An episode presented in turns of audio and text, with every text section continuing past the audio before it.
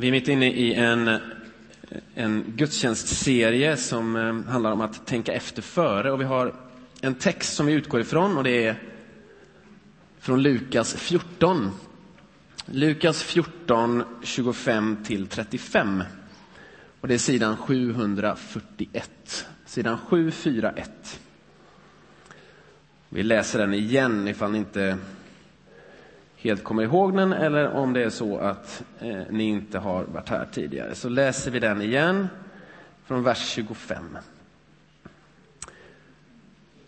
Stora skaror gick tillsammans med honom och han vände sig om och sa till dem om någon kommer till mig utan att hata sin far och sin mor och sin hustru och sina barn och sina syskon och därtill sitt eget liv kan han inte vara min lärjunge. Den som inte bär sitt kors och följer efter mig kan inte vara min lärjunge. Om någon av er vill bygga ett torn sätter han sig då inte ner och räknar ut vad det kostar för att se om han har råd med bygget. Annars kan det hända att de som ser att han har lagt grunden men inte kan bygga färdigt börjar göra narr av honom och säger den där, han satte igång ett bygge men kunde inte få det färdigt. Eller om en kung vill dra ut i fält mot en annan kung sätter han sig då inte ner och överväger om han med 10 000 man kan möta den som rycker an med 20 000. Kan han inte det skickar han sändebud för att be om fred medan den andra ännu är långt borta. Så är det alltså. Ingen av er kan vara min lärjunge om han inte avstår från allt han äger. Salt är bra att ha. Men om saltet mister sin kraft, hur ska man få det salt igen? Det duger varken för jorden eller gödselstacken, man slänger bort det. Hör, du som har öron att höra med. Amen. Herre, låt oss höra vad du vill säga idag. Ge oss öron att höra med. Och öppna hjärtan. I Jesu namn. Amen.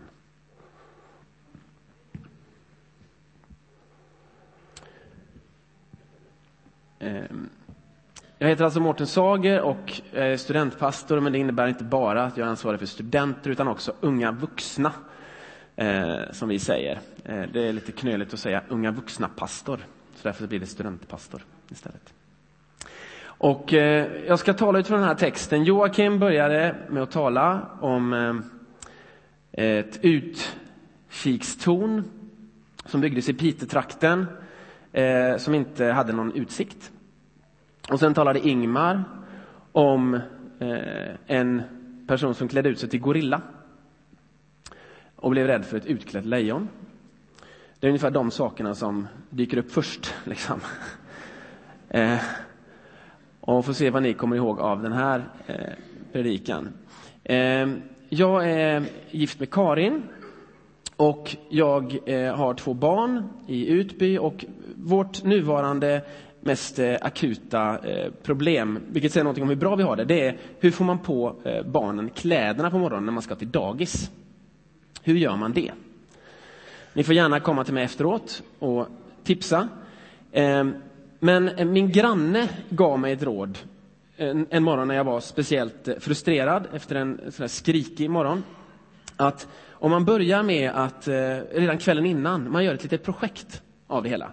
Man lägger fram kläderna, eh, de får själva välja vilka kläder de ska ha och sen på morgonen så har man ett tydligt mål att man ska till dagis och hjälpa till kanske med att snickra färdigt den där fågelholken som de gör på dagis. Att det liksom finns ett, ett tydligt projekt, att det finns ett tydligt mål och en riktning. Och eh, när, han hade, när vi hade pratat om det här så insåg jag att men det är precis så jag själv är också. Jag tycker också om att ha liksom ett, ett mål, en riktning, ett, något slags projekt som kan få igång mig. Och kanske var det så att några av dem som följde med Jesus de här stora skaran, att de kände att de hade fått en riktning i sina liv, att här var det någon att följa. Och så är det som att Jesus vill säga till dem, vet ni vad det här är för slags projekt? Vet ni vad målet med den här resan är? Målet med den här resan, det är korset. Man måste bära sitt kors. Den sortens projekt är det. Så tänk efter före. Och det här med att tänka efter före, det, det lägger han liksom ut genom de här eh, exemplen med tornet och kriget.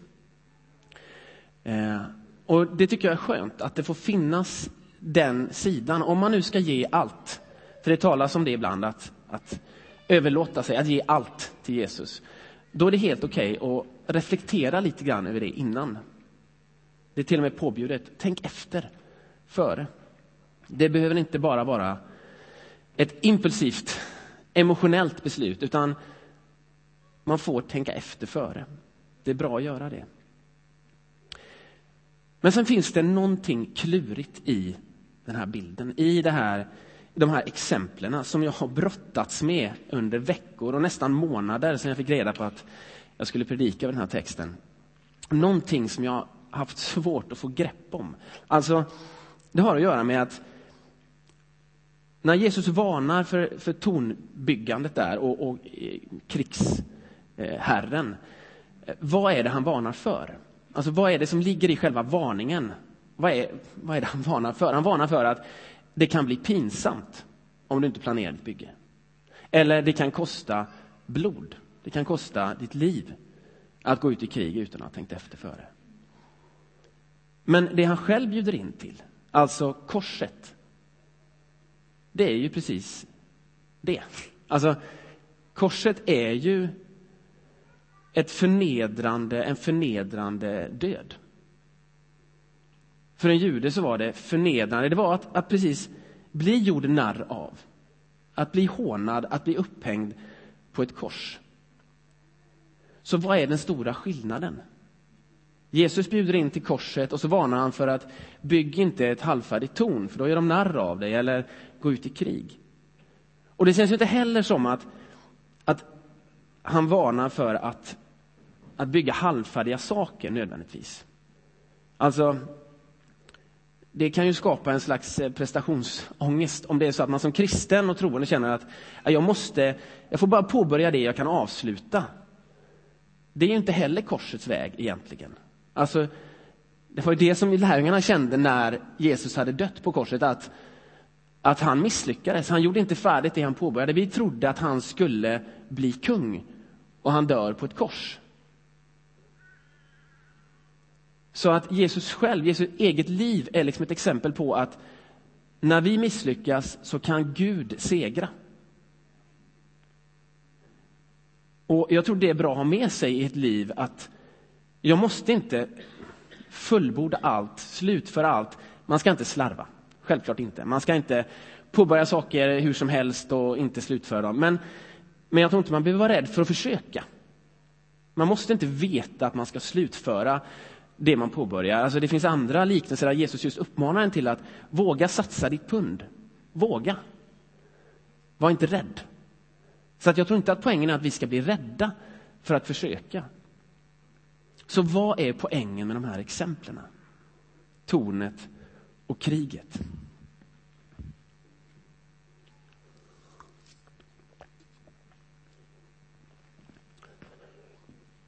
Efter lite forskning så, så tror jag att de här exemplen de är som skämtteckningar. Ni vet såna här politiska skämtteckningar, politisk satir. Ehm, de, de anknyter till exempel som Jesu åhörare visste vad det var för något. Det vill säga, under Jesu tid så fanns det ett tempelbygge som pågick i Jerusalem. Herodes den store hade påbörjat eh, en totalrenovering, en upprustning av templet. Nästan ett nybygge. Och eh, det hade han gjort därför att han eh, var en kung som var förtjust i byggnadsverk och det här var ett sätt för honom att göra sig själv evig. Men det luriga var att han hade inte slutfört det. Det var inte slutfört det här templet. De hade fortsatt att bygga på det här. Och Herodes blev till åtlöje. Nu var han ju död i det här läget. Herodes store var död, men sen fortsatte hans söner, den herodiska dynastin, fortsatte på det här.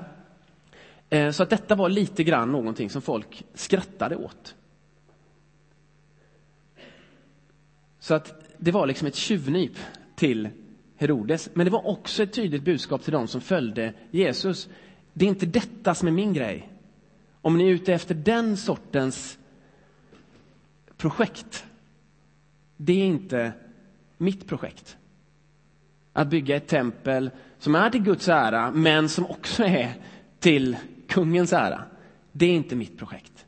Skrytbygget, det är inte mitt projekt. Och så har vi den här skämtteckningen med kriget. Den syftar på, eh, den är liksom en rallarsving till dem som hävdar att Israels uppgift, gudagiven uppgift, det var att i det här läget, i en ockupation, slänga ut romar, romarriket, romarna. Att gå ut i krig.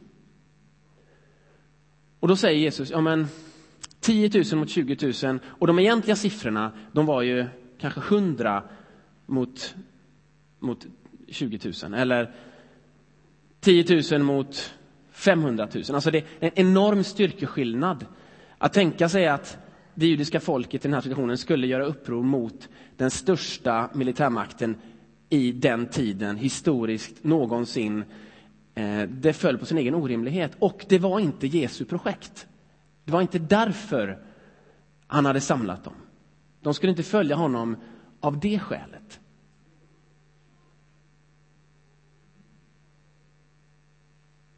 Så skrytbygget, det är inte mitt projekt, säger Jesus. Och det här meningslösa kriget, det är inte heller mitt projekt.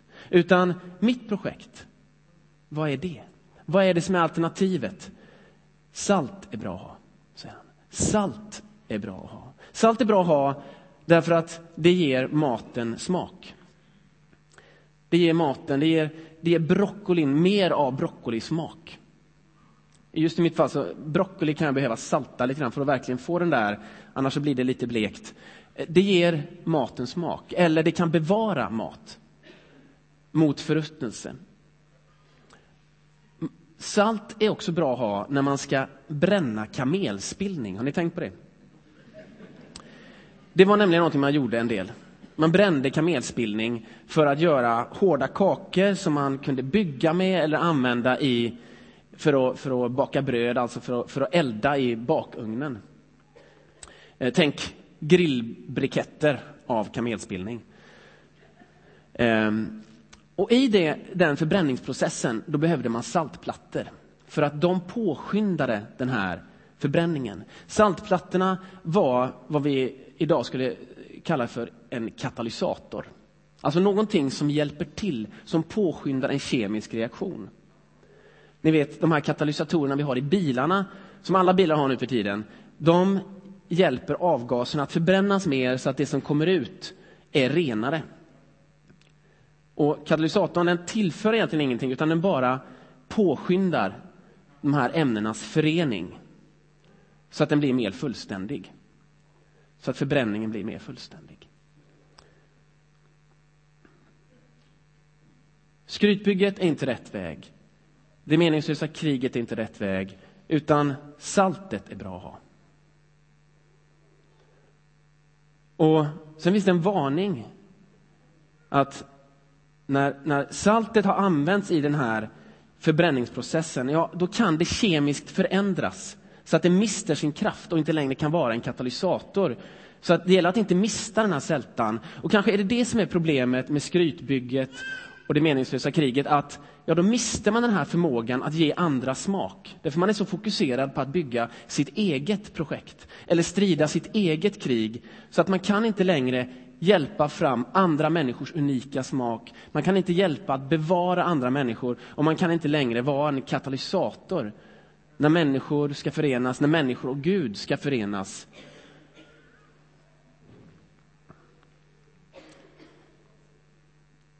Gäller detta oss? Gäller det mig? Gäller det dig?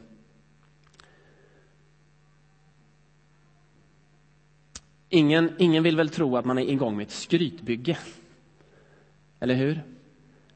Men om jag ska titta på mitt eget liv så kan jag se att, att det finns absolut en risk att jag bygger för mig själv. För att jag själv ska bli viktig, för att mitt namn ska synas.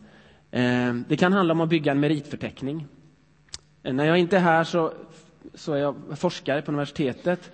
Och där finns det en hel sån här... Alltså man, man nästan tvingas in i detta att man ska bygga på sitt CV, man ska publicera, man ska bli ett namn. Som man nästan får hålla emot. Och jag tror att det gäller i många yrken, att det, det är lätt hänt att man,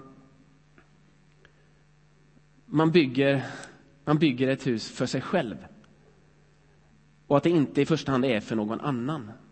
Man kan bli ännu mer konkret. Vi har just renoverat vårt radhus ute i Utby. Och eh, vad är det som driver en renovering? Det har varit en renoveringsboom i det här landet. Vad är det som driver oss när vi renoverar? Är det att få det vackert? För att vi trivs med det? Är det för att det behövs, för att det är funktionellt? Är det för att kunna bjuda hem vänner? Eller är det för att bräcka grannen? Den frågan är ju smärtsam att ställa sig när man är inne i det där. Vilka kakelplattor ska jag ta? Vilka bänkskivor ska jag ta? Eller är det kanske så att man känner att man måste få det ljust och fräscht för att vad ska ens vänner tro annars? Det är ju inget skrytbygge, men frågan är om man renoverar av rätt motiv. Om man gör det för att duga, liksom. Och kanske går det att överföra på något sätt till ditt liv, även om du inte renoverar eller bygger en karriär. Men krig, det är väl ändå inte inblandad i? Det finns säkert någon officer här, eller någon FN-soldat, men de flesta av oss kanske inte tänker att vi är inblandade i krig. Eller så är det så att vi är inblandade i någon slags lågintensivt krig mot saker och ting. Att vi utan att märka det agerar emot saker snarare än för någonting. Är det så? För mig så är det så. Jag kan se mig själv ibland reagera med ryggmärgen och bara vara emot. Istället för att se, men vad finns det för möjligheter med det här? Och komma ihåg, men vad är det jag är för? Hur kan jag ge människor smak? Hur kan jag hjälpa? Vad är mitt projekt egentligen? Istället för att bara vara emot.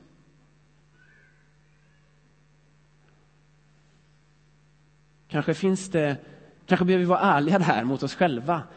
Vad är det vi är emot och vad är det vi är för och vad lägger vi mest kraft på?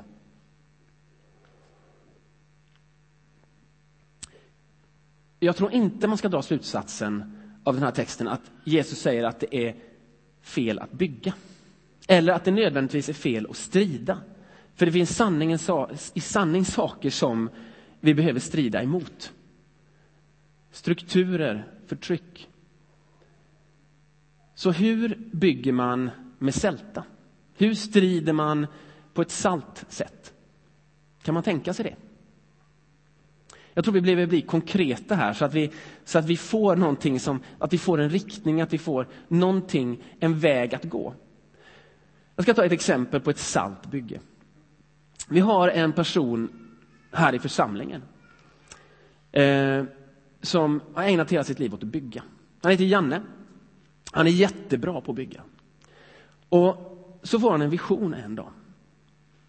När han är rätt gammal en dag, så får han en vision eh, att han ska bygga på ett salt sätt. Han säger det inte på det sättet, men han, han kommer på att han ska ägna sin kompetens, sin hantverksskicklighet till att bygga tillsammans med människor som behöver någon att bygga med. Som behöver lära sig hur man bygger och som behöver en arbetsplats, kanske som är arbetslösa eller illegala flyktingar. Så han köper ett hus billigt som behöver rustas upp. Och så bjuder han in människor, kom och bygg med mig. Och så rustar de upp det huset. Och sen när de har rustat upp det, då säljer han det. Och så går överskottet till flyktingar, hemlösa, familjer med snåla ekonomiska resurser. Hela det bygget är salt. Hela det bygget syftar till att hitta andra människors smak, andra människors gåvor, lyfta fram andra människor, katalysera möten mellan människor. Kanske katalysera möten mellan Gud och människor, för detta sker i Sarons regi. Så att det är tydligt att det här har någonting med Jesus att göra. Det är ett salt bygge, det är att ge sitt liv för att bli en katalysator. Och Janne, du visste inte om att jag skulle ta upp det här.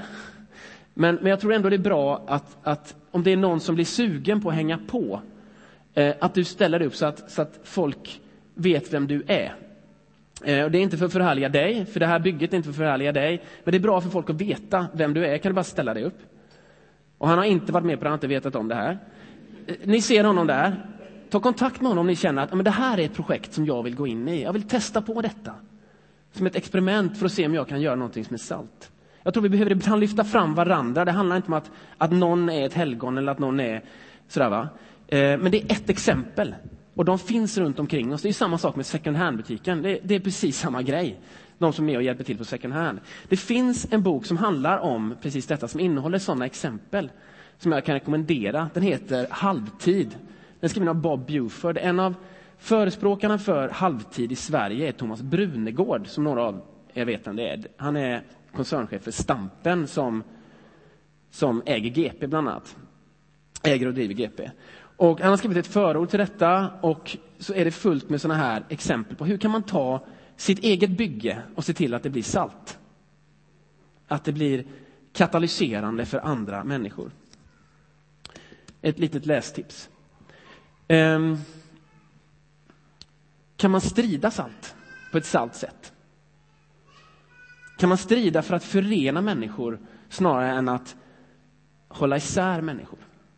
Jag tror att striden mot apartheid i Sydafrika, jag tror att medborgarrättsrörelsen i USA som stred mot segregationen, jag tror att det är exempel på krig som verkar meningslösa, som verkar lika hopplösa som seloternas kamp mot, mot romarriket. Så, men som har en mening på ett annat sätt, därför att den strävar till att föra samman människor. Svarta och vita, afrikaner, afroamerikaner och andra amerikaner. Det strävar att föra samman människor. Och det är ett, ett krig som på det sättet är salt. Det vill katalysera möten mellan människor snarare än att hålla isär människor. Och jag tror också att, att framväxten av församlingen efter Jesu liv är ett exempel på en sån här salt strid, eller salt krig, skulle man kunna säga. Om man vill ta i. Alltså, Jesus var inte för romarriket. Det var inte det han ville säga med den här skämtteckningen. Utan han hade ju ett eget rike att föreslå. Jag kommer med Guds rike, säger Jesus. Och det som händer när Jesus har dött och uppstått och så, det är att då växer det fram församlingar som bygger på saltets princip, kan man säga. Alltså där man finns för att hjälpa varandra, där man finns för att katalysera processer, där man finns för att lyfta fram varandras smak. Sådana små gemenskaper växer fram och sprider sig sakta över mindre Asien, till den, iberiska, till, till den italiska halvön och så vidare. Så att på några hundra år så har romarriket slutat tillbe kejsaren och istället tillber Kristus. Alltså, Jesus gjorde precis det som de ville. Han intog romarriket, kan man säga, men med andra medel. Med kärlek istället för med hat. Med andra vapen än svärd och katapulter. Så det finns en sån, ett sånt salt krig. Eh, att kämpa för någonting snarare än kämpa emot någonting. Och det är det som vi håller på med i den här församlingen. Det är därför som vi ska de kommande söndagarna tala om experiment, heliga experiment. För att det behöver bli konkret. Hur gör vi detta? Hur lever vi liv som inte är skrytbyggen eller som är meningslösa krig, utan som är salta? Där vi finns till för andra människor.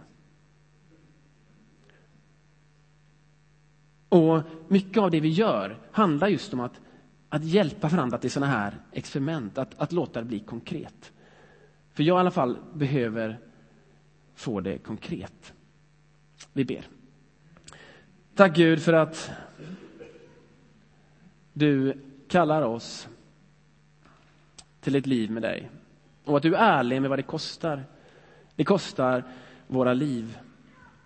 Men Herre, tack för att vi har någonting meningsfullt att dö för. Att vi kan välja. Om vi tänker efter före så kan vi välja vad vi ger våra liv till. Herre, jag ber för oss var och en här inne, att vi fick vara ärliga mot oss själva mot våra projekt, de som vi är inne i, våra liv. Hur ser de ut? Och Herre, hjälp oss också att förbli salta. Hjälp oss att hjälpa varandra att vara salta. Så att vi kan lyfta fram varandras smak. Att vi kan bevara varandra och så att vi kan katalysera mötet mellan människor och mötet mellan människor och Gud. Låt det hända. Du kanske sitter här just nu som känner att men jag har tänkt efter före och som behöver ta ett första steg med Jesus. Då vill jag rekommendera dig den här platsen. Här kommer det att sitta katalysatorer, det vill säga förebedjare som i sig själva inte är någonting faktiskt, men de lägger handen på och så påskyndar de en reaktion mellan dig och Gud. Ta gärna den chansen. Och Det gäller också dig som känner att ja, men jag har tagit något steg, jag vill ta ett steg till. Ta chansen och möt en katalysator. Och sen efter gudstjänsten, om du känner att men jag vill bolla de här tankarna, jag vill se, finns det, finns det ett projekt för mig som jag kan gå in i och testa detta? Då finns vi längst bak här, under taket, under läktaren. Så finns vi som heter Nystanfikat och som vi idag kan kalla för Saltfikat. Där vill vi hjälpas åt och se, kan vi hitta en väg för dig? Kanske finns Janne där, kanske strosar han förbi så att ni kan få möjlighet att prata med honom också om hans sätt att göra detta. Och så försöker vi tillsammans.